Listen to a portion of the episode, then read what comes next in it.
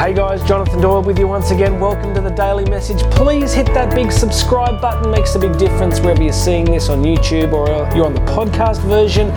Hit the subscribe button, makes a big difference, and make sure that uh, keep getting to share this content with as many people as possible. Uh, and also, there is a link to grab a free copy of my book, Bridging the Gap. So you'll find that link wherever you're listening or watching.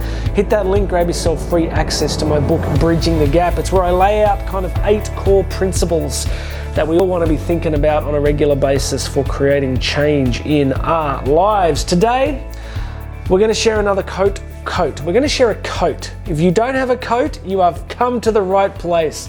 We're going to, in fact, we're actually going to share a quote from Stephen Covey. We shared one from him last week. One of the real giants of peak performance, personal development, sort of started off a real new wave of this stuff in the 80s and 90s.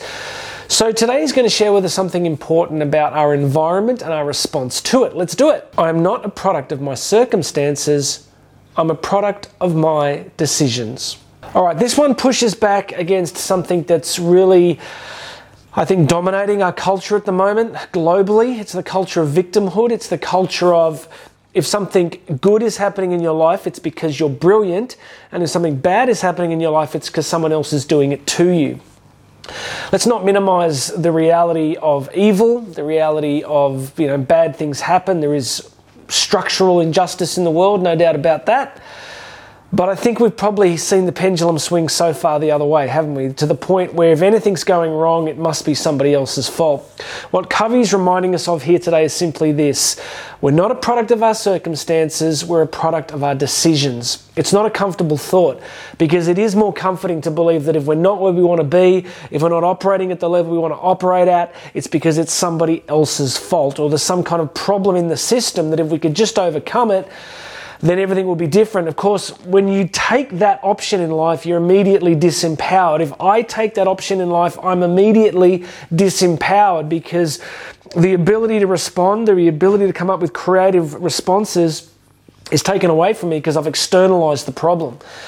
So, can you imagine the impact upon our lives if we actually began to think, well, it's not about the circumstance, it's about the choices I'm making in the circumstance? And of course, there's so many examples of this, right? You've got people like uh, Viktor Frankl in his famous book, Man's Search for Meaning. He's in Auschwitz, he survives the Holocaust. But you, you begin to see how his choices and decisions are fundamentally different to many of those people around him. It's a unique human ability, exactly why some people get this right and so many people struggle with it is a genuine mystery. Uh, it's a mix of life experiences, genetics, epigenetics. It's hard to know. But I'm putting it on your radar just as you go through your day to be thinking about this, to be thinking about the truth that it isn't so much your circumstance, it's your decisions that are shaping reality. It's hard. This is a hard saying because our decisions run from everything from health, fitness, diet, exercise, relationships, how hard we work or don't work, the choices and risks that we take. There's a lot of variables, but the good news is that they are variables. And if they're variables, you can respond to them. You can make different choices. Okay, you're not completely at the risk and mercy of your environment. You really can do different things as some of you know, I've been coaching again.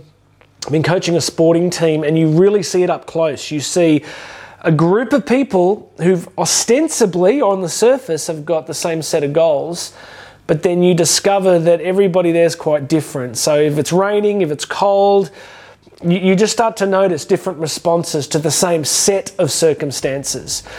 It's really quite remarkable, just what we are as humans. And the way that so many of us just disempower ourselves by empowering the circumstance and disempowering our ability to make responses and choices. All right? Is this helping?